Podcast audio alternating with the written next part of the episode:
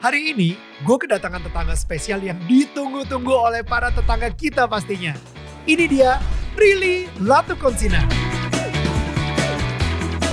Di sini Prilly bercerita bagaimana cara dia menyadari bahwa ketenaran yang dia miliki adalah sebuah anugerah Tuhan dan kekuatan yang bisa menginspirasi banyak orang. Walaupun ketenaran itu juga bisa merenggut kebebasan dia untuk berekspresi. Tapi berkat didikan dari kedua orang tuanya, dengan menanamkan kebaikan dan cinta, akhirnya merubah Prilly seperti sekarang ini. Khususnya dalam hal pasangan. Inilah dia kisah tetangga kita.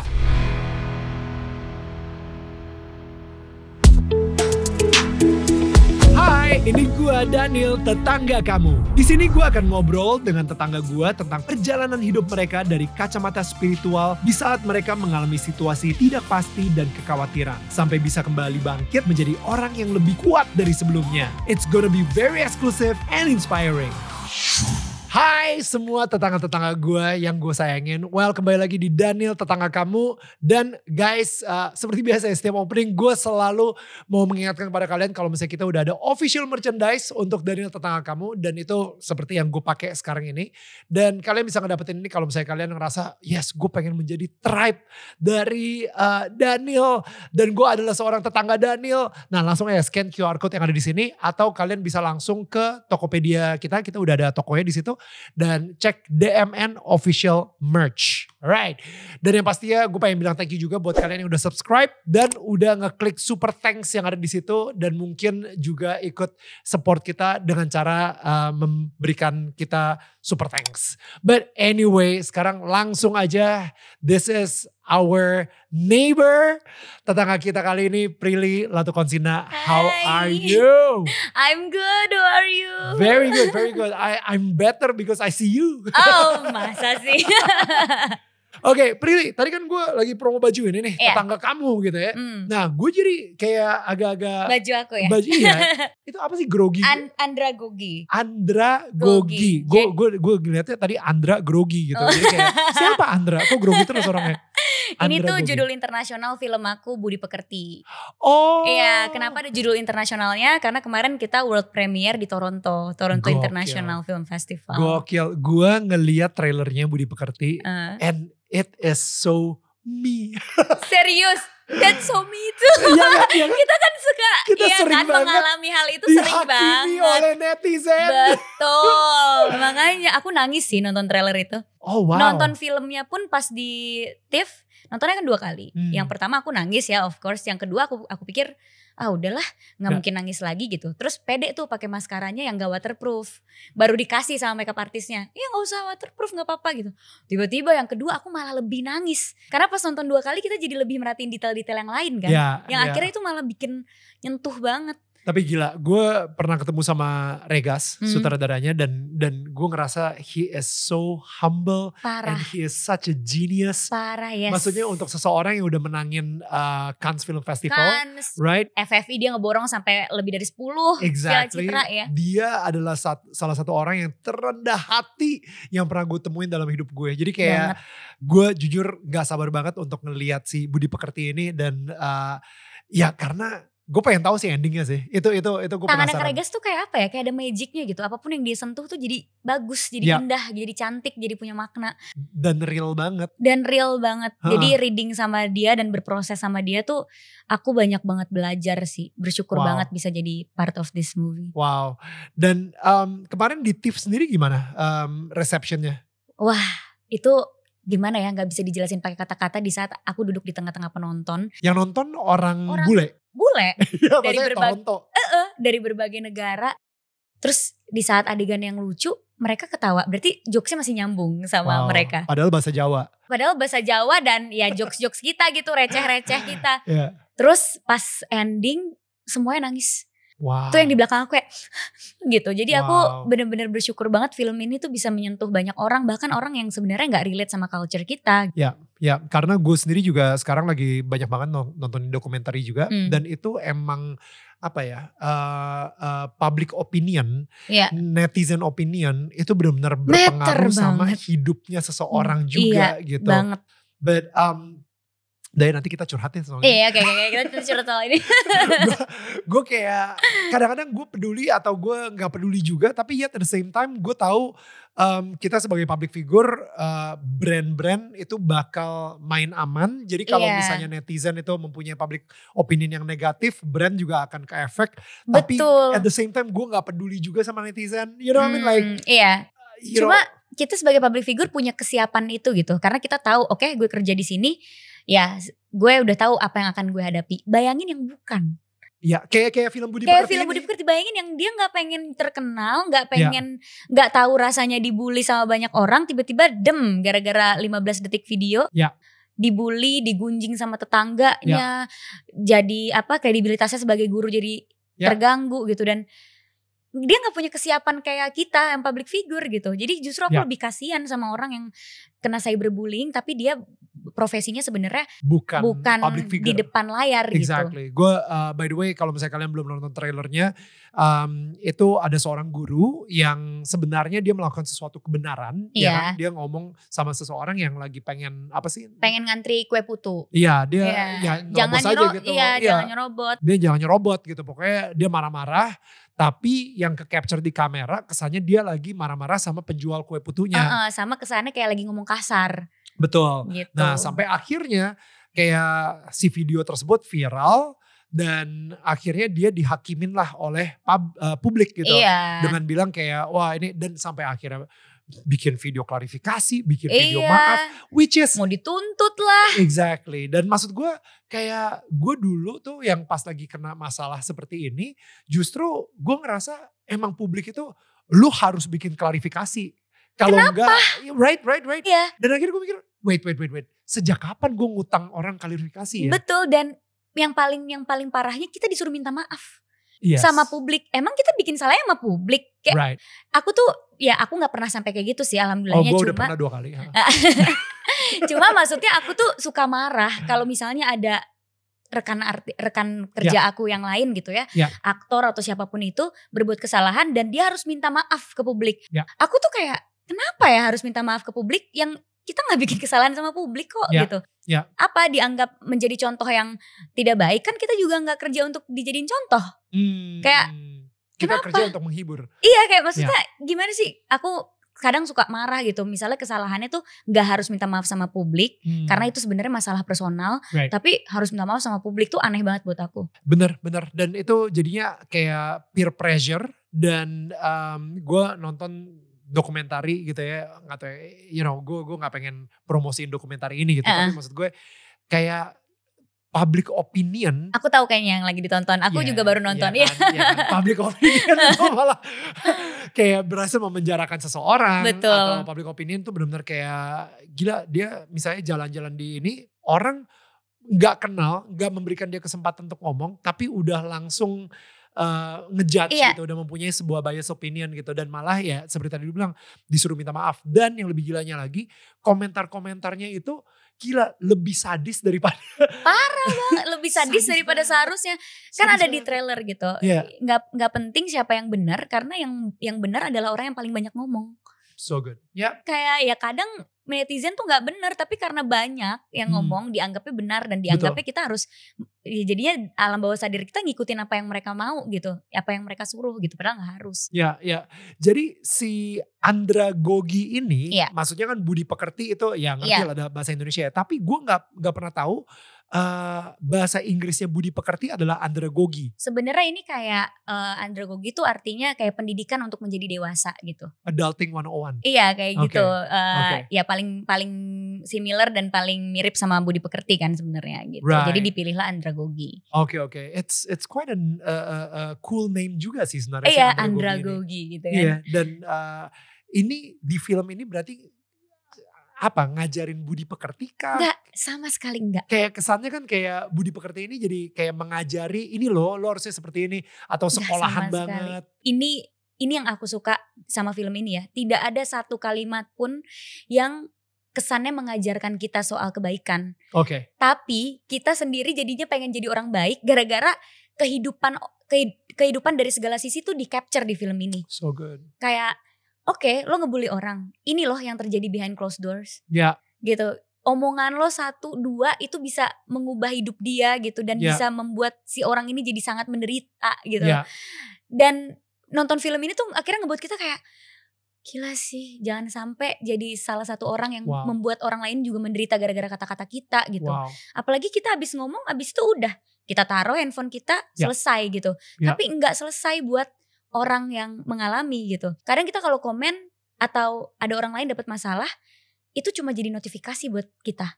Tapi Hmm. buat orang itu nggak Hmm. jadi notifikasi, itu jadi mimpi buruk gitu. Ya. Jadi mimpi buruk, jadi sesuatu yang mengubah hidup dia, jadi dia jadi jalan hidupnya berubah apa segala macem. Hmm.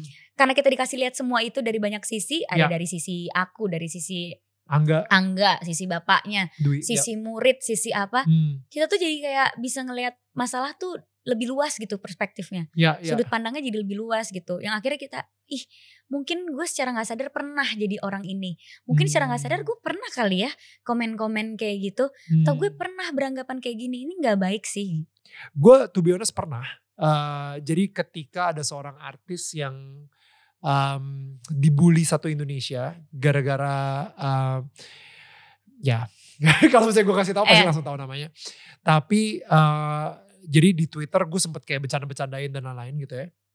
Dan gue nggak tahu kalau misalnya apa yang gue lakuin itu cyberbullying. Hmm? Um, saat itu gue ngerasa cool aja dan apalagi gue mungkin seseorang yang yang saat itu lagi you know ada Indonesian Idol Iya, kayak iya. hmm. secara ketenaran itu lebih tinggi daripada si uh, orang tersebut Hmm. artis tersebut tapi uh, s- pada akhirnya gue minta maaf banget sih sama dia tapi ya itu setelah Oh. berapa tahun gitu Hmm. you know setelah dan gue nggak tahu kalau misalnya ternyata ketika gue lagi bercandaan cuma sekedar lagi nge-tweet ah gini ini segala whatever uh, gue nyala nyala dia and everything di Twitter ternyata efeknya mental health gitu Iya. Uh, ke efek banget secara Hmm, mental healthnya hmm. gitu dan dan gue hari ini dengan kedewasaan yang gue punya sekarang gitu ya um, gue benar-benar minta maaf banget karena gue takut banget kalau misalnya nanti anak gue yang digituin sama orang Iya, misalnya seperti itu you know iya. like dulu pas gue ngelakuinnya lagi single tapi sekarang kayak oh my goodness kalau misalnya ini sampai terjadi sama anak gue wah gue benar-benar ketakutan banget Hmm, sampai itu, itu sih hmm. so I don't know lu sendiri sebenarnya ya kalau misalnya ngomongin soal kita soalnya mikir kita pasti mikir pertama jadi victim tapi Iya. jadi pelakunya itu jarang banget yang yang ini Iya jarang banget dan yang akhirnya ya. gue sendiri di sini di di di Daniel Tetangga kamu juga gue undang dia dan gue minta maaf sama dia secara publik Hmm. juga and everything Oh. um, cause I feel That's good. hmm. ya exactly Iya, iya. karena kita sebenarnya emang gak niat jahat tapi yang kita lakukan itu kadang-kadang jahat untuk orang lain gitu Iya. you know and I think connect banget sih sama si uh, adulting 101 Budi Pekerti ini Iya, andragogi iya. ini gitu Aku sih mungkin karena ngalamin banget, jadi aku malah takut kalau takut dan gak tega kalau teman-teman aku tuh mengalami juga Hmm, gitu. Jadi misalnya lah eh, kita pergi nih ke live music misalnya. Right. Live music kan kadang gelap, lampunya tuh suka gitu. Kalau misalnya orang rekam tuh kesannya jadi kayak nggak baik kesannya. Padahal itu cuma live music gitu. Right. Dan kita pun bahkan tidak minum gitu. Yeah. Aku yang bisa sangat posesif dan protektif melihat kamera kiri kanan gitu loh. jadi parno terus ya eh, Hmm. karena in order untuk protect teman aku juga gitu jangan sampai ada yang ini jangan sampai ada yang ini karena aku takut banget gitu kalau Hmm. dia dibully atau aku juga jadi ikut ikutan gitu Ya.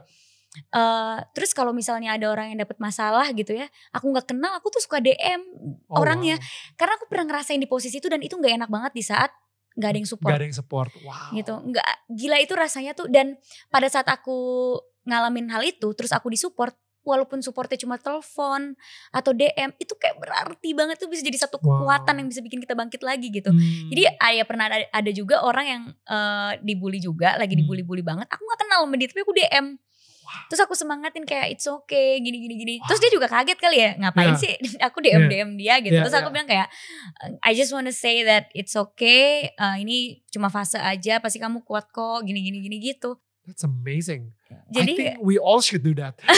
That's amazing. That's very inspiring. Iya, Ya. walaupun kalaupun aku nggak DM gitu, kadang aku suka nanya ke teman-teman deketnya kayak, misalnya aku kenal circle-nya gitu, eh ini gimana keadaannya, semoga dia baik-baik aja deh gitu. Ya, ya, ya. Karena aku bener-bener apa ya, pernah ada di posisi itu, aku pun pada saat itu tuh bener-bener nggak kuat gitu kalau nggak ada support dari orang tua atau nggak Ya. ada support dari orang lain atau dari fans aku gitu Yeah. bener-bener nggak bisa sih nggak kuat That's so good. Pada saat itu yang menguatkan aku ya aku berdoa banget. Wow. berdoa bener-bener kayak sholat kan sehari lima waktu ya.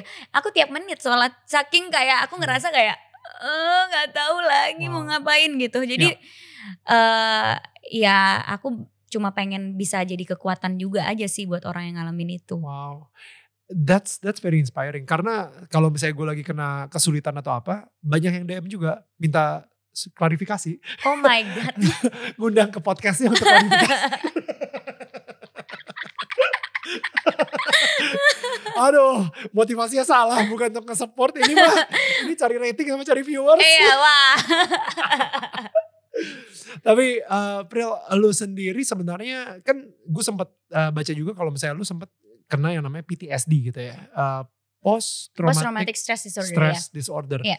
Itu what happened? What what trauma yang pernah lu lewatin gitu? Is it Iya. because of the whole netizen thing atau Hmm, sebenarnya tidak, Oke. bukan karena netizen thing. Eh, tapi ada juga ya jadinya yang netizen masalah netizen juga ada. Cuma PTSD itu disebabkan oleh trauma yang aku punya dulu, Hmm. bukan karena netizen gitu. Oke, oke. Dan uh, I cannot talk about that di sini gitu ya. Tapi Tapi, kita bisa, bisa- bicara di di uh, ya luar di kamera. luar mikrofon. ya. Tapi itu nge-trigger gak? Karena gini, um, gue again balik lagi ngelihat uh, trailernya uh, Budi Pekerti, Hmm, di mana ayahnya itu kan bipolar, Iya, ya, bipolar. uh, Dwi Sasono gitu Iya. ya.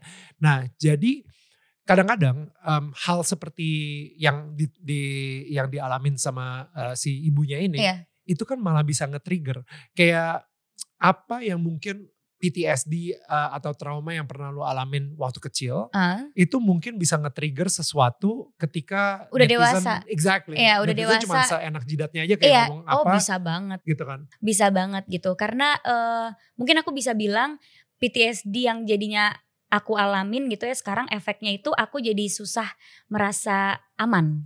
Oke. Jadi susah merasa aman. Traumanya apa? Nanti kita No, no, kasih ya. tahu ya.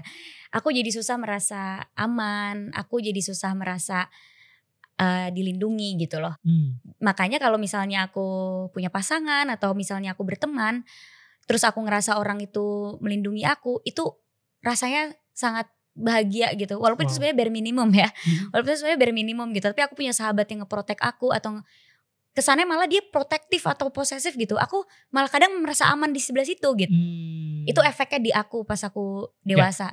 Nah, ditambah lagi aku kerja di depan layar. Ya.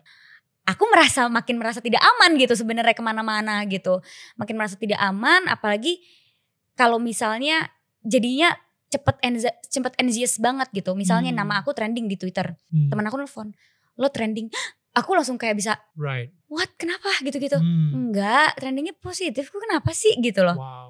Terus aku bisa tiba-tiba bangun pas lagi tidur kaget. Nggak tahu kagetnya kenapa. Itu aneh banget.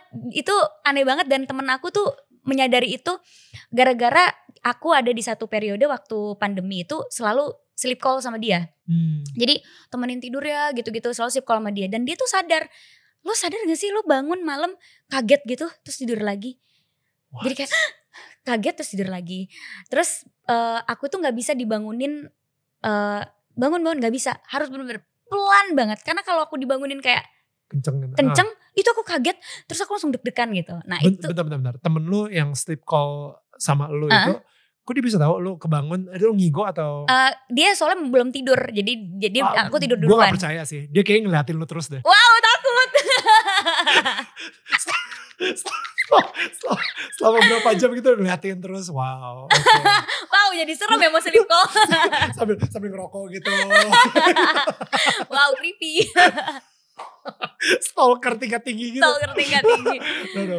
Just kidding. Tapi tapi pas lagi kebangun gitu, eh, oh jadi dia belum tidur aja. Maksudnya Ah, ah, gue iya. pikir Oh, kayak lu gitu ya, atau gitu. lu teriak-teriak atau apa. Terus misalnya temen aku misalnya kita traveling bareng nginep bareng dia tuh kayak ih lo tuh nggak boleh ya dibangunin keras-keras karena lo langsung kayak ada kebakaran gitu bangunnya. Hmm. Wow. Jadi kayak kalau diginiin dia langsung gitu gitu. Ya, Ya. mungkin itu karena trauma yang aku tadi merasa aku Ya. tidak aman gitu. Ya, ya. Jadinya mbak mbak aku tuh kalau mau bangunin kayak neng kayak harus Hmm. pelan-pelan digini-giniin gitu. Hmm. Kalau tiba-tiba kayak bangun, aku langsung kaget banget gitu. Hmm. itu sangat mempengaruhi dong di saat aku baca komen atau Ya. di saat aku tiba-tiba Hmm. trending, Hmm. video aku viral walaupun misalnya viralnya positif pun aku jadi takut. Ya. Kayak ih gimana dong kok viral Hmm. ya gitu nggak nggak bermaksud buat viral gitu loh karena Hmm. jujur aja aku kalau diundang di podcast nggak berharap podcast itu atau nggak berharap akunya viral di situ emang aku sharing aja apa yang ada di pikiran aku gitu Hmm. pas baru aku deg-degan banget dan aku deg-degannya misalnya aku diundang podcast terus aku mengcounter pendapat orang yang nanya gitu Hmm. terus jadi ada tim nih tim aku dan tim orang yang nanya itu aku takut banget karena aku nggak mau sampai orang itu dibully gara-gara pendapat aku Right. jadi right. Itu sangat mempengaruhi banget sih PTSD dengan apa yang terjadi di digital gitu ya how do you uh, deal with the anxiety attack then? Kayak ketika lu dapat kayak serangan anxiety tersebut gitu ya, Hmm. tiba-tiba viral atau apa gitu. Um, apa sih yang very applicable supaya lu bisa mengurangi si anxiety-nya atau apakah tiba-tiba lu langsung harus tarik nafas 10 kali atau Iya, you harus. know, what, what, what do you do? bener-bener harus tarik nafas dalam-dalam terus aku langsung beneran cari support system aku sih Ah, gitu. oke. Jadi aku bisa ke temen aku, bisa ke sahabat aku gitu untuk minta insight gitu atau Hmm. menenangkan aku dengan cara mereka kayak gitu. Hmm. Gue jadi penasaran sih, how do you handle fame kalau gitu? Kayak sekarang dengan ketenaran yang lu punya, Iya. itu bisa jadi pedang bermata dua. It could Banget. be a power, but it could also be a curse Iya. gitu. Dengan kondisi yang lu punya sekarang ini. Iya, dan sahabat aku bilang, "Lo tau gak sih, lo jadi Prilly Konsina it's blessing and curse at the same time." Wow. Dia bilang itu ke aku. Terus Oke. kenapa emang gitu? Lo dengan ketenaran lo, lo bisa dipercaya sama banyak orang, positifnya bisa dipercaya sama banyak orang, lo bisa jadi inspirasi banyak orang, apalagi kalau misalnya ada yang minta foto, terus kayak kak kakak inspirasi aku itu kan kayak anugerah banget buat kita ya di saat kita bisa berguna buat orang, impactful, im- jadi impactful gara-gara kata-kata kita, gara-gara apa yang kita lakuin gitu. Tapi jadi curse-nya adalah ada kebebasan yang direnggut, Mhm. kebebasan mengemu- memu- mengemukakan pendapat Hmm. nggak bisa kita bebas gitu aja ya kan ngasih tahu pendapat kita soal certain case gitu. Hmm. Terus kebebasan berteman, kita nggak bisa bebas berteman karena kita nggak tahu teman-teman kita ini beneran tulus atau enggak ya, atau Hmm. pengen sesuatu ya dari Hmm. kita gitu. Kebebasan berekspresi, aku nggak bisa kelihatan marah, nggak Hmm. bisa kelihatan jadi kayak manusia normal gitu. Kayak Hmm. jujur aja di kayak temen aku tuh suka bilang lo kenapa sih kalau diajak berantem orang gak lawan gitu di dunia nyata nih ya sering ada orang yang ngajakin aku berantem gitu misalnya secara langsung Kayak, kayak bentar bentar Gim- gimana? Iya, misalnya Eh, punya masalah sama aku misalnya nggak suka sama aku Ah. atau mengebela temennya atau apalah ya. Si- eh, kadang happen saja kan yang gitu-gitu gitu terus misalnya ngomong sama aku secara langsung nggak suka sama aku Hmm. aku nggak bisa membalas atau nggak bisa berekspresi kayak manusia normal lainnya gitu. Yang kalau diajakin berantem atau dijahatin sama orang, kita boleh loh marah, Hmm. boleh loh ngeluarin amarah kita kayak kenapa urusannya apa, boleh loh kayak gitu gitu. Right. Gak bisa. Yang aku lakukan adalah neken amarah aku Wow. dan cuma bisa tersenyum. Karena kenapa? Karena aku perilaku konsina gitu loh. Aku nggak Hmm. nggak diizinin untuk marah. Nanti kalau aku marah aku direkam, Hmm. diposting jelek Hmm. buat aku. Hmm. Walaupun lu bener ya. walaupun aku benar, Hmm. well seperti yang aku bilang, siapa pun yang benar tuh nggak nggak penting di sini gitu kan.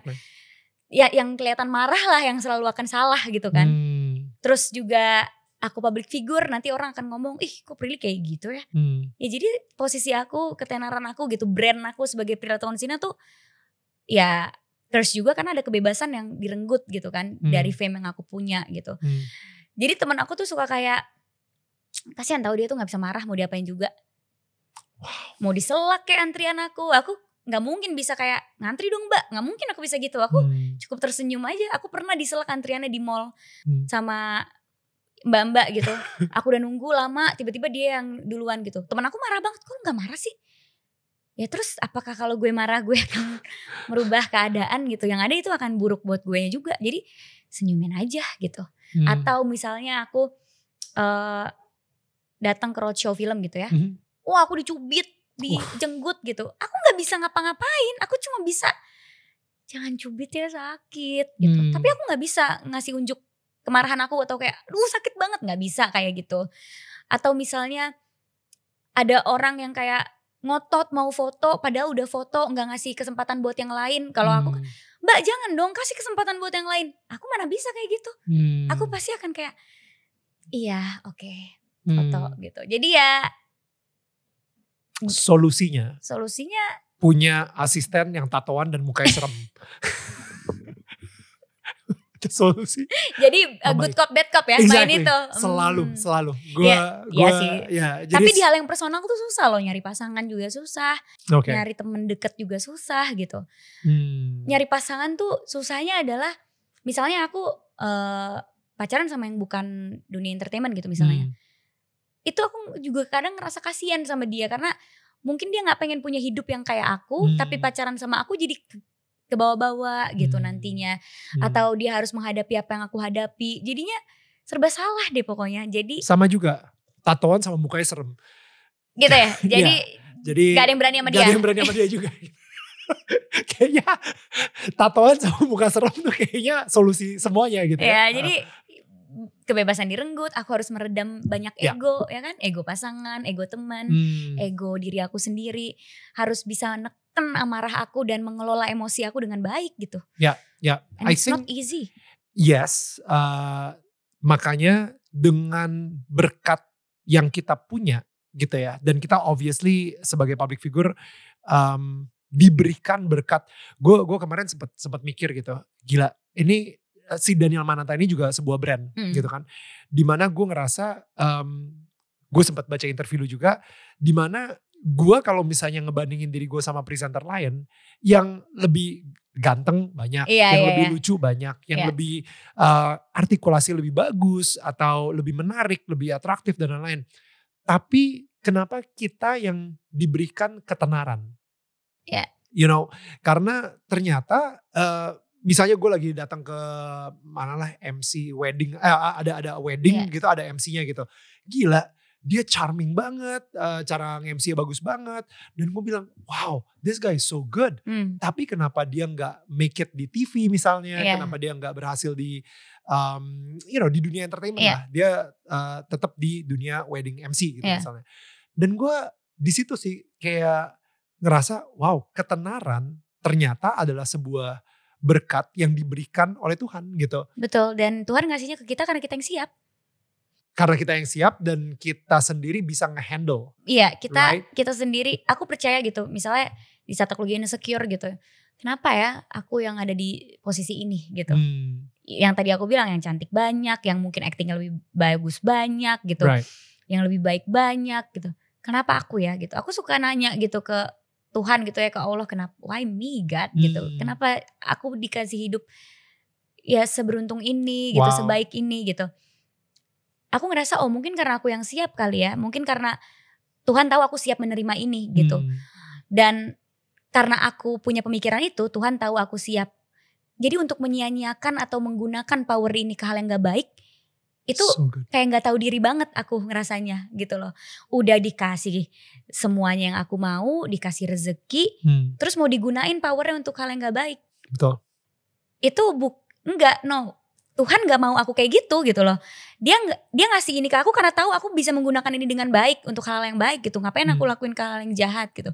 Contoh misalnya misalnya kayak ada orang yang bermasalah sama aku, temen aku kayak ya elah tinggal lo post juga dia dibully sama seluruh Indonesia. right Aku kayak no, Tuhan gak mau gua menggunakan power ini untuk jatuhin orang lain. so good Kayak kenapa gue harus ngelakuin itu gitu. Hmm, Bahkan fans aku gitu. Hmm. Pernah kemarin ada kasus apa ya? Aku lupa deh. Pokoknya ada fans aku nih gak terima. Ih sumpah aku gak terima eh, dia giniin kamu. Kenapa sih kamu gak post aja kelakuan aslinya gitu? Atau kenapa sih kamu gak ini? Aku bilang kita gak boleh jadi. Aku sampai encourage fans aku gitu. Karena kan aku akrab sama fans-fans aku yang emang ngehandle si fanbase ini kan. hmm. Kita gak boleh bongkar aib orang loh. Karena kalau kita menyimpan aib orang, aib kita tuh dilindungin sama Allah. Kita itu manusia berdosa, pasti kita punya aib. Walaupun kita rasa enggak, gua nggak pernah punya aib, pasti aman, nggak mungkin ada eh, nggak mungkin ada aib gue di luar sana. You, we never know, Hmm. we never know gitu loh. Tapi kenapa sampai aib-aib kita itu nggak ada yang tahu, kita doang yang tahu, Tuhan doang yang tahu. Ya karena itu dilindungi sama Tuhan. Jadi orang Ya. nggak ada yang juga mau ngepost aib kita gitu loh. Ya. Jadi aku tuh bener-bener nggak mau menggunakan followers aku atau suara aku yang so good selama ini kalau aku ngomong ya fans aku pasti menganggap aku benar Mhm. karena mereka fans aku Ya. mereka melihat aku sebagai inspirasi jadi sebaik mungkin aku tidak berbicara yang seakan-akan omongan aku itu bisa mengarah ke orang lain atau orang lain tuh jadi dibully gitu jadi lebih baik aku hindari topiknya Pril, this is so good, so good. Karena gue selalu ngerasa kita ini adalah kita nggak pernah diajarkan how to handle power. Hmm. Power itu macam-macam. Maksudnya someone like you, yourself, you are very powerful and you know that. Ada ada ada fans juga dan habis itu uh, Instagram follower Yeah. dan lain-lain gitu. Tapi ada juga nih orang yang mungkin baru aja main Instagram atau main TikTok, tiba-tiba videonya viral dan dia dapat uh, let's say satu juta view Iya. gitu misalnya di di TikToknya dia Hmm. atau mungkin dia dapat 10 ribu follower baru Iya. gitu kan. Dia langsung ngerasa I am so powerful. Gue punya Iya. kuasa dan gue ada ada sebuah pepatah juga kalau misalnya lu pengen ngelihat kemurnian emas, taruh emas itu di em, api. Hmm. Kalau lu pengen ngelihat kemurnian hati orang, kasih dia power atau Iya. kasih dia ketenaran. Iya, kasih Dan- dia uang. Exactly. Uang, power, sama um, I think ya itu ya harta, tahta, wanita gitu. Iya, benar-benar. Uh, lu akhirnya lu akan melihat sisi aslinya dia. Lu akan ak- akan ngelihat bahwa dengan dia dikasih power, dia akan langsung oke sekarang apa pun yang gue ngomong itu pasti dianggap bener sama semua orang. Iya. Uh, ini orang-orang yang dulu kayak ngebenci gue atau ini sekarang giliran gue untuk menghancurkan mereka dan lain-lain gitu Iya. and and I like tadi uh, sebuah contoh yang benar-benar bagus banget di mana lu justru menggunakan power lu atau ketenaran lu dan lu nganggep itu bukan dari lu, uh, bukan dari kehebatan lu, dari skill acting lu Hmm. misalnya atau dari Hmm. kecantikan lu, Hmm. tapi lu benar-benar ngelihat itu benar-benar hadiah dari Tuhan Itu hadiah dari Tuhan. yang kita harus sangat mempertanggungjawabkannya banget gitu. Betul. Aku bukan apa-apa gitu so kayak. good. Maksudnya kalau mau berkaca gitu kayak apa sih gitu. Kepintaran yang kita punya juga dari Tuhan aku ngerasanya. Hmm. We work hard for that. Yes. Tapi kalau Tuhan gak menghendaki kita pinter atau otak kita bisa merespon ilmu dengan baik, kita juga gak bisa pinter gitu loh. so good. Dan dari kecil, eh papa mama aku tuh selalu bilang, apa pun sekecil apa pun kemampuan dan yang dan apa yang terjadi sama kamu itu kehendak yang di atas. Hmm. Kamu bisa naik sepeda itu karena kehendak Allah. Hmm. Kamu bisa ngomong dengan baik, public speakingnya baik, itu kehendak dari Allah. Ada orang yang udah belajar kuliah, tetap nggak public speaking nggak baik karena Allah tidak menghendaki. Ya. Jadi apa pun yang aku punya, itu terima kasihlah sama Allah because it's not you. Ya. Itu yang ngebuat aku juga mau sombong tuh malu. Karena apa sih yang mau disombongin gitu orang semuanya kehendak dari Allah kok. Hmm. In a split second kalau Tuhan mau ngambil semuanya itu bisa Hmm. itu yang amit-amit gitu kan Hmm. jangan sampai gitu misalnya sombong sombong gue pintar gini-gini amit-amit tiba-tiba nanti Tuhan Hmm. kasih penyakit yang Hmm. ngebuat otak kita nggak bisa bekerja dengan baik kita nggak jadi pintar lagi sombong gue tercakep gitu gue cantik Hmm. amit-amit kecelakaan atau apa kita bisa nggak jadi cakep lagi gitu jadi nggak ada satupun alasan untuk aku bisa menyombongkan diri aku gitu Hmm. nggak ada satupun alasan gitu mungkin kadang suka tergoda atau it's my ego talking gitu ya, di Ya. saat misalnya ada orang yang merendahkan aku misal Ya. terus kita pengen nyombongin diri gitu Hmm. untuk nunjukin siapa kita tapi ketika sebelum aku omongin aku pikirin gitu baik-baik perlu gak sih Hmm. kita nggak perlu nyombongin diri dari kata-kata kok gitu Ya. cukup dari kita liatin aja bahwa kita merespon orang itu dengan baik Ya. itu bahkan kita udah menang so gitu good. Ya. itu bahkan kita udah menang gitu. Aku pernah gitu uh, selek sama orang, terus orang itu ngomong gini, gue nggak peduli ya lo Pril atau Konsina yang punya 50 juta followers. Wah, lo siapa sih gini gini gini gini gini gini. Wah kalau ego aku yang ngomong, itu pasti aku kayak, ya lo siapa? Pasti aku juga akan gitu. Gue bahkan gak, gue bahkan gak tahu lo ngelakuin, udah ngelakuin apa di dunia ini gitu loh. Kalau misalnya ego aku ngomong, Ya, ya, ya. aku bisa balikin dia kayak itu gitu. di pikiran sih sebenarnya udah itu kelewat. di pikiran tuh kayak, wah kesel dong kita betul, digituin. Betul. Siapa lo gue gak peduli Hmm. lo pernah tuh. Wah kita udah kesel dong Ya, digituin. Namanya pasti. manusia. Manusia. Kita okay. bukan malaikat gitu. Ya. Kita punya emosi gitu. Di dalam otak aku, kalau aku mau bales, emang lu juga siapa? Emang lu pernah ngelakuin apa sih Right. di dunia ini Right. yang yang bermanfaat buat orang banyak Right. gitu. Tapi di saat itu aku memilih untuk diam dan tersenyum gitu ya karena so good. aku yang kayak iya iya mbak emang aku juga bukan siapa-siapa iya gitu Hmm. temen aku yang temen aku yang lebih emosional dari aku yang nggak terima temennya digituin kayak lo gila ya lo nggak lawan gitu kan kayak lah lo tunjukin siapa lo gitu kan kayak karena gue nggak perlu menunjukkan siapa gue untuk orang-orang yang memang udah merendahkan diri gue biarkan aja gitu loh kayak Wow. Nggak perlu kita bales di sebelah situ gitu. Jujur aku malah yang menenangkan orang itu gitu. Kayak ya sabar ya mbak maafin aku kalau aku salah gitu Hmm. apa segala macem. Di situ aku sudah menang. Hmm. walaupun aku tidak menang di hadapan dia Ya. atau aku tidak menang di hadapan orang banyak tapi aku menang di hadapan Tuhan aku. Karena aku bisa jadi orang baik gitu loh. Come on. mungkin aku nggak bisa bikin orang-orang lain tersenyum gitu ya ngelihat tindakan aku. Temen aku marah aku malah diem.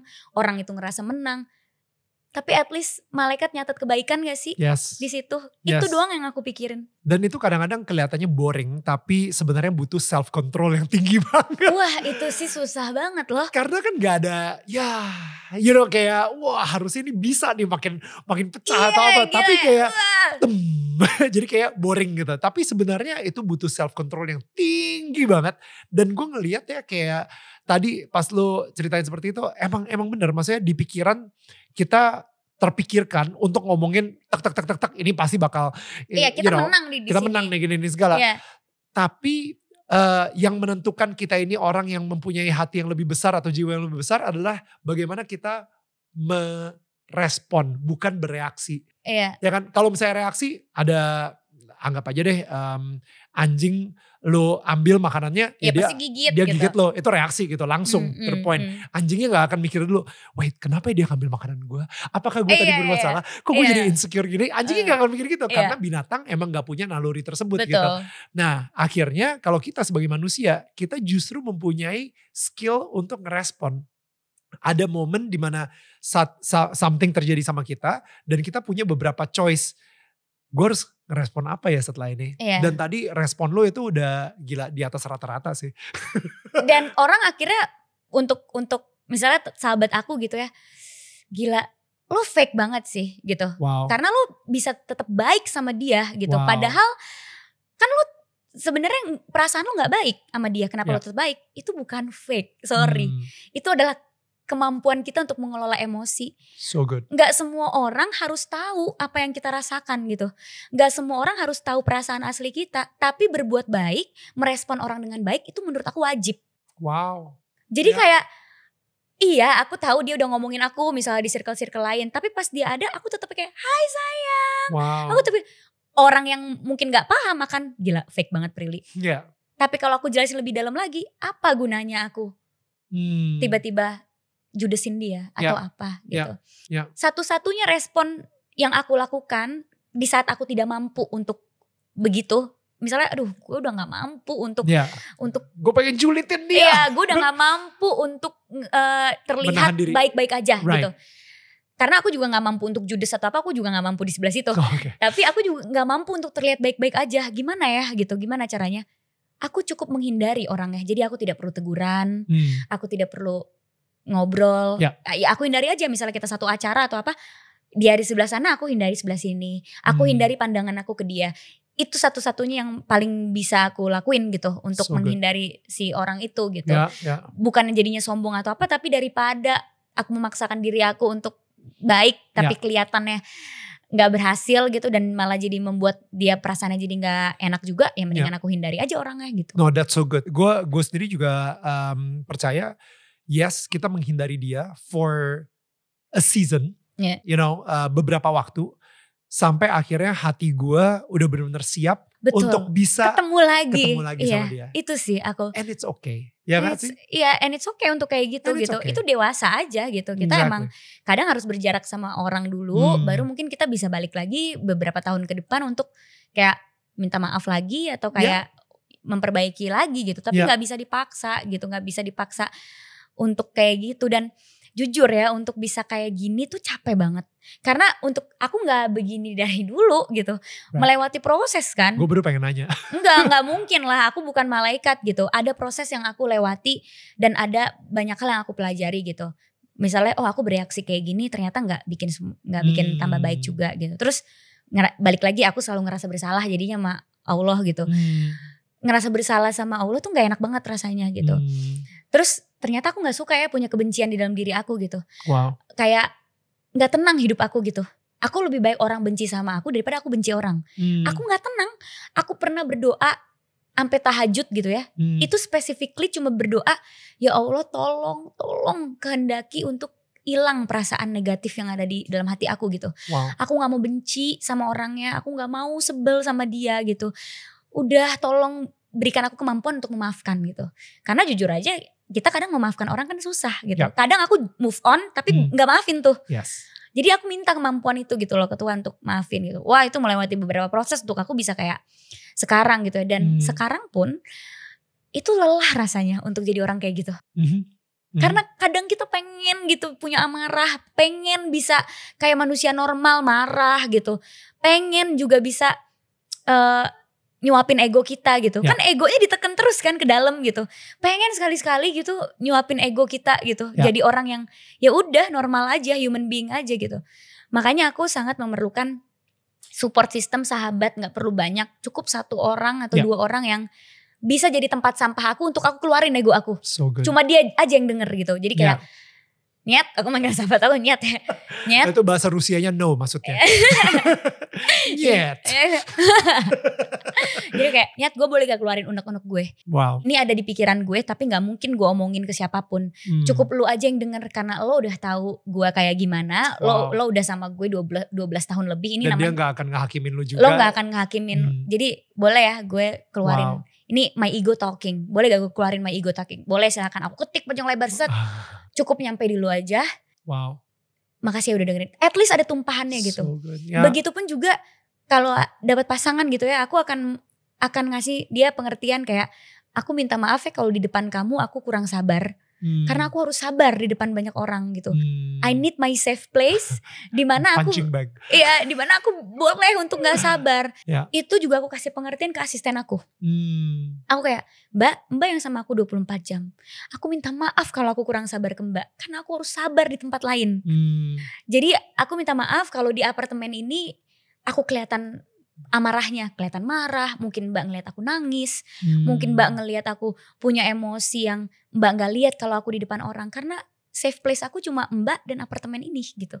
Jadi aku Hmm. minta maaf Mbak kalau aku tiba-tiba aku pernah sama asistenku "Eh, Mbak gitu. Bisa aku sama asisten aku kayak gitu dan asisten aku tuh udah tahu responnya dia hanya diam dan mendengarkan gitu. Wow. Udah, udah karena aku udah bilang, ya mbak supir aku, mbak aku, mobil itu safe place aku. Hmm. Jadi aku kasih mereka pengertian. Maaf ya, kalau kalian ngedenger aku marah-marah atau kalian ngedenger aku nangis sendiri. Ya.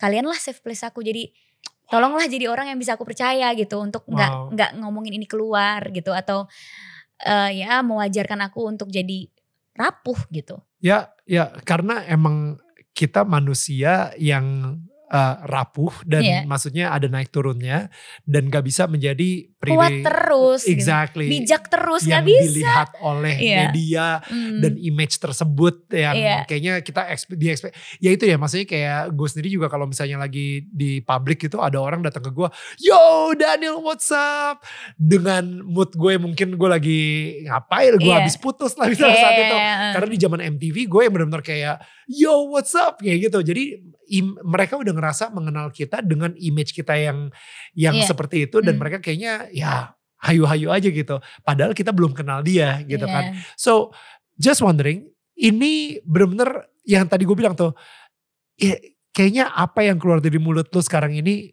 it went through a lot of mistakes Iya. a lot of, uh, course. you know toxic relationships Oh iya banget. Um, banyak banget um, pengalaman-pengalaman yang udah lu lewatin sampai lu bisa sedewasa ini dan you know biarpun kita kadang-kadang tahu kita tahu teorinya tapi tetap aja kadang-kadang kita ada kelepasannya juga gitu Pasti. because we are human Iya. kita nggak nggak nggak sempurna tapi gue ngerasa walaupun kita tidak sempurna tapi kita progressing Betul. Harus ada Definitely progress. Prilly jauh lebih uh, baik sekarang daripada Prilly yang mungkin dua tahun yang lalu gitu atau Oh, iya. misalnya yang lima tahun yang lalu gitu. Tapi um, when apa ya, um, lu sendiri kalau sama bokap nyokap ya itu diajarinnya sebagaimana disiplinnya sih? Apakah dengan fear tactics gitu misalnya Enggak, atau dengan sekali. love tactics gitu? Eh, orang tua aku tuh nggak pernah menghukum anak. Oke. nggak pernah jadi aku nggak pernah ngerasain dihukum karena nilai jelek tuh nggak pernah Kok bisa kok bisa eh, maksudnya di media sendiri kan Iya. lu benar-benar nurut banget lu ngomongin soal bokap lu sedemikian rupa Iya. gitu kayak cara mereka gue pengen banget punya anak Iya. bisa tumbuh kayak lu gitu soalnya jadi gue pengen belajar dari bokap nyokap lu how do they grow you up jadi nggak pernah sama sekali aku dinasehatin atau dilarang Hmm. itu karena resiko. Gak ngerti gue jadi misalnya kayak kamu jangan kayak gini ya Eh, nanti, kamu Nanti- gini loh. ya. Kamu jangan kayak gini ya nanti kamu gini loh. Oke. Tapi mereka tuh lebih mena- menanamkan gini loh nak. Jadi lebih ter- terstruktur gitu loh dalam nasehatin. Misalnya apa ya? Misalnya kayak hmm, kamu jadi nggak pernah nggak pernah kita tuh diajarin sesuatu karena takut sama akibatnya misalnya kamu jangan minum es nanti batuk. Itu nggak pernah kayak gitu orang tua aku. Em, oke kamu jangan deket-deket kolam renang nanti tenggelam. Itu nggak pernah itu nggak ya nggak nggak Ya kan- nggak pernah kan gitu. ada fear tactics itu gitu Iya, biasanya orang pernah tua. ada rasa takut yang ditumbuhin di dalam diri aku di saat mereka ngelarang aku. Tapi adanya rasa segan dan adanya rasa kayak oh kalau aku begini, jadi anak tuh dikasih dikasih kesempatan untuk memilih dan Hmm. berpikir berpikir pakai pikirannya sendiri gitu. Hmm. Jadi nggak pernah kamu gini ya, nanti kamu gini, nggak pernah kayak gitu. Hmm. Coba, menurut kamu baiknya gimana? Hmm. Kalau kamu sukanya seperti apa? wow Kalau menurut kamu pikirannya ini gimana sih? Kenapa kamu punya pemikiran kayak gini gitu? Hmm. Jadi kita tuh dikasih kesempatan untuk berpikir dari kecil, oke bukan melakukan sesuatu yang sebenarnya kita nggak tahu kenapa nggak boleh, karena kita udah takut duluan gitu loh. Itu nggak nggak pernah sama sekali. Papa mama aku nggak pernah meriksa rapot, wow karena mereka nggak mau aku belajar cuma gara-gara aku pengen membanggakan mereka dengan angka, angka nilai gitu. Mereka maunya aku belajar dapet ilmunya, ngerti sama pelajarannya. wow Jadi gak pernah sama sekali aku diperiksa rapotnya. Kalau teman-teman aku nih pas bagi rapot, yes gue dapat hadiah gitu. Gak pernah aku diiming-imingin hadiah Hmm. kalau nilai bagus. Wow. Tapi juga gak pernah diiming-imingin hukuman kalau aku jelek. Hmm. Jadi ya udah berja sekolah tujuannya untuk belajar, bukan untuk dapat nilai bagus, bukan untuk jadi yang terbaik gitu. Jadi gak pernah aku diperiksa rap, eh, ditantang pernah. Misalnya kayak udah kelihatan males nih Hmm. belajarnya baru ditantang coba kamu bisa gak jadi murid terbaik? Coba. Jadi lebih lebih jadinya kita Wow. tertantang gitu. Tapi bukannya kayak males nih kamu belajarnya. Ayo belajar nanti nilai jelek. Itu nggak pernah. Hmm. bahkan kayak bener-bener bisa bekerja sama dengan baik lah. Jadi kayak temen ya Hmm. jadi Hmm. kayak temen kayak gitu Tapi lu sendiri dengan dengan uh, didikan orang tua sebegitunya, um, gue sendiri juga sempat baca, lu juga tetap uh, going through mental struggle. Iya. Gitu. Gue gue penasarannya itu kayak kayak nggak tahu kalau gue jadi lu kayak gue bakal tumbuh sebagai anak yang paling secure sedunia gitu. Hmm. You know what I mean like what kind of mental struggle yang harus lu lewatin sehingga uh, padahal dengan didikan yang begitu luar biasa dari orang tua lu.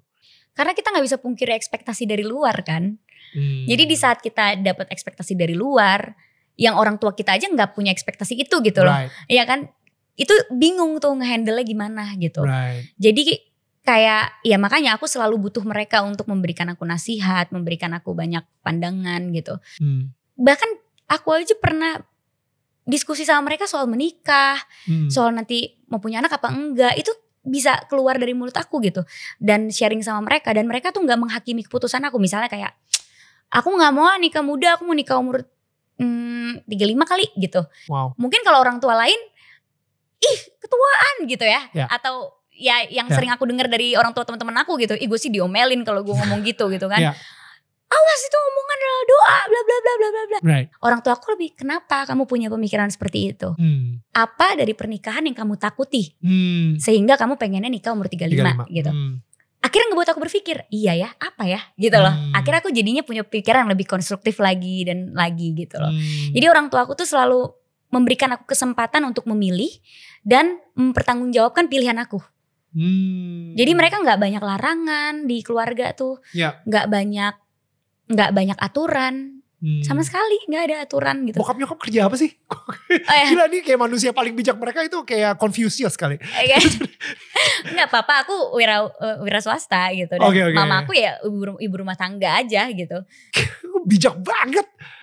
My goodness. bijak banget. Like sampai akhirnya lu sendiri eh, yang mempunyai prinsip untuk tidak melakukan seks sebelum menikah. Iya, Da- itu juga nggak pernah ditakut-takutin sama mereka, nanti apalagi hamil loh. eh, nggak pernah sama sekali gitu. Eh bayangin aku umur 16 naksir-naksiran sama cowok terus mau pacaran juga mereka oke. Hmm. Oh pacaran, ya udah gitu. nggak ada aturan yang gimana-gimana gitu. Tapi jadinya kita segan sendiri kan kayak ya ini kepercayaan yang harus aku pegang nih karena mereka udah memperbolehkan aku gitu. Hmm. Gak pernah gitu orang tua aku kayak kamu jangan have sex ya. Hmm. Nanti kamu gini, nanti kamu gini gitu. Hmm. Kamu jangan ini ya. Tapi mereka lebih nasihatinnya dengan cara kamu tahu gak sih tubuh kita tuh berharga banget. Hmm. Apalagi tubuh perempuan. Tuhan tuh ngasih banyak eh, kecantikan di perempuan lewat rambutnya, lewat matanya, lewat ini, lewat ini. Kamu harus bisa jaga ya tubuh kamu. Wow. Jangan sampai diambil sama orang yang tidak pantas untuk mengambilnya gitu. Wow. Dari situ tuh akhirnya kita kayak iya ya tubuh gue tuh berharga banget gitu. Hmm. Masa sih gue mau kasih ke orang yang belum tentu juga bisa ngasih gue kebahagiaan kayak Tuhan ngasih gue kebahagiaan gitu loh. So beautiful. Terus satu-satu kata, satu kata gitu yang papa mama aku bilang. Kamu tuh udah beruntung banget ya sayang ya dikasih rezeki lihatlah ke sekeliling kasih rezeki alhamdulillah dikasih ke, dikasih paras yang sempurna tubuh lengkap gitu segala macam untuk kamu menjaga kayak kesucian kamu nih gitu Hmm. itu masa sih jadi hal yang susah padahal kamu udah dikasih semuanya sama Tuhan Wow. Salah ben- salah satu bentuk syukur ya iya jadinya. iya terus akhirnya iya ya jadinya aku Hmm. ya nggak mau seks before marriage bukan karena aku takut hamil gitu bukan Hmm. karena aku takut nggak jodoh sama pasangan aku bukan karena aku nggak mau gitu tapi ya karena aku ini rasa syukur aku menjaga diri aku tuh Wow. rasa syukur aku kepada Tuhan yang udah ngasih aku banyak hal So masa sih ngejaga gitu doang susah buat Right. buat Tuhan gitu loh Hmm. nah mereka ngasih nasihatnya dengan cara kayak gitu Hmm. jadinya kita bisa mikir sendiri iya ya nggak ada bentuk larangan kan nggak ada bentuk kayak jangan ya Iya. nggak ada kata jangan gitu Hmm. jangan ya kamu gini gini gini jangan loh kamu gini gini tapi Hmm. dengan cara kamu harus jaga ini kamu. Hmm. karena badan kamu tuh berharga gini gini. Gini So good. nah dia ngasih kita pilihan kan mau jaga atau tidak. Hmm. itu adalah pilihan kamu. Hmm. tapi kita sebagai orang tua ngasih tahu bahwa tubuh kamu itu harus dijaga perempuan itu harus menjaga. Kenapa? Karena perempuan itu berharga gini gini. Akhirnya kita mikir sendiri gitu. Yang akhirnya pilihan aku adalah ya udah sudah aku tidak mau gitu. Hmm, gue, um, well, uh, istri gue itu memberikan sebuah analogi ke anak kita. Jadi um, pakai ini matchstick apa sih korek api. Hmm. Jadi dia kayak pertama dia kasih lihat korek apinya dan habis itu di di kamu lihat ya ini ya, habis itu dinyalain sama dia dan sekarang habis itu ditiup dan sekarang dia minta anak kita untuk eh, nyalain, Nyalain lagi. lagi. Udah nggak bisa.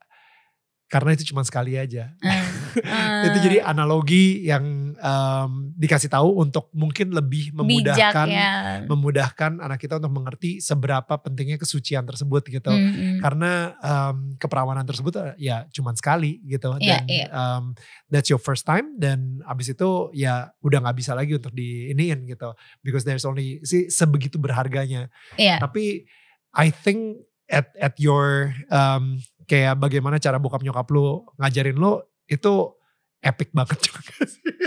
Eh It's so kadang aku juga beautiful. suka bingung kalau ditanya kayak gimana sih cara bokap nyokap ngedidik gimana ya karena mereka santai banget kayak Hmm, aturan nggak ada hmm, nilai jelek nilai bagus sama aja responnya hmm. kayak ya, ya, ya, nilai ya, ya. jelek oh Ya. nilai bagus oh Oh wow. gitu aja nggak nggak pernah ada hukuman atau Ya, kamu aku setrap gitu nggak pernah dijewer nggak pernah ya. dicubit nggak pernah dimarahin juga jarang gitu loh jadi aku nggak nggak tahu gimana caranya orang tua aku ngedidik aku karena mereka nggak pernah menerapkan yang gimana gimana sebenarnya tapi mereka itu banyak memberikan nasihat dari pengalaman mereka misalnya Oh, ya mereka atau terbuka sama pengalaman mereka. eh, terbuka pergaulan gitu terus misalnya mereka memberikan aku analogi lagi Oke. analogi memberikan apa. Jadi nggak pernah sih. Aku pernah eh, ada satu kejadian cuma aku nggak bisa ceritain kejadiannya apa. Tapi itu adalah di saat aku sadar bahwa aku punya orang tua terbaik di dunia gitu. Kayak gila aku beruntung banget gitu. Di sa- saat itu adikku kan laki-laki ya dia pasti lebih bandel daripada cewek ya. Maksudnya dia pasti kayak lebih main gitu, lebih suaranya lebih keras gitu kalau di rumah gitu. Terus adik aku ini melakukan satu kesalahan gitu. Melakukan satu kesalahan Abis itu dalam hati aku, hmm syukurin lo, syukurin lo, dimarahin nih, dimarahin gitu loh. Yeah. Namanya kakak ya, kita kan suka ngisengin adik ya kayak syukurin lo, syukurin, dimarahin lo. Wah takut sih gue, takut sih gue gitu. Gila-gila takut, takut, takut, takut. Udah yang takut duluan gitu. Hmm. Gila papa lo ngamuk gimana ya gitu. Karena papa aku emang jarang marah, tapi sekali marah ya Hmm. serem juga gitu kan. Duh gimana ya, gimana ya. Ternyata tidak gitu, ternyata pas papa aku tahu, pak nih si Raja nih gini, gini, gini. Dia cuma kayak, terus dia di mana ya sekarang gitu. Ya dia Hmm. lagi nggak tahu tuh lagi di, di rumah temennya atau apa gitu. Hmm. Ya udah suruh dia pulang nggak apa-apa. Ya di, misalnya dia lagi waktu itu kalau nggak salah adik aku misal berantem gitu sama temennya Hmm. gitu ya kan. Aku kira bakal dimarahin atau ngapain sih kamu berantem berantem. Papa mama aku cuma kayak di saat ini support yang dia perlukan adalah dari orang tuanya Wah, gitu loh. Jadi kalau kita marahin dia nanti nggak dapat support dari siapa-siapa gitu. Mungkin dia udah diomelin sama oh temennya, dia udah diomelin sama mungkin orang tua temennya gitu. Jadi Hmm. support yang dia perlukan dari kita. Jadi Hmm. suruhlah dia pulang, kita rangkul gitu loh. Hmm. Aku langsung kayak wow. Jadi aku bisa melihat bahwa aku nggak boleh takut untuk jadi rapuh di depan orang tua aku atau aku sejelek-jeleknya aku, aku tahu aku masih punya tempat untuk diterima gitu loh. Wow. Yaitu adalah di rumah orang tua aku gitu. Ya, ya. Sejelek-jeleknya anak ternyata dia masih bisa begitu loh gitu. Jadi oh iya, oke. Dia menciptakan apa ya, rumah dan lingkungan itu menjadi tempat yang kita bisa menjadi yang paling terburuk pun kita tetap diterima gitu. What a story. Guys, thank you for listening to this podcast. Tapi tenang, ini baru part pertama. Masih ada part selanjutnya. So, biar kalian gak ketinggalan, yuk di follow dulu. Ingat ya, Daniel tetangga kamu.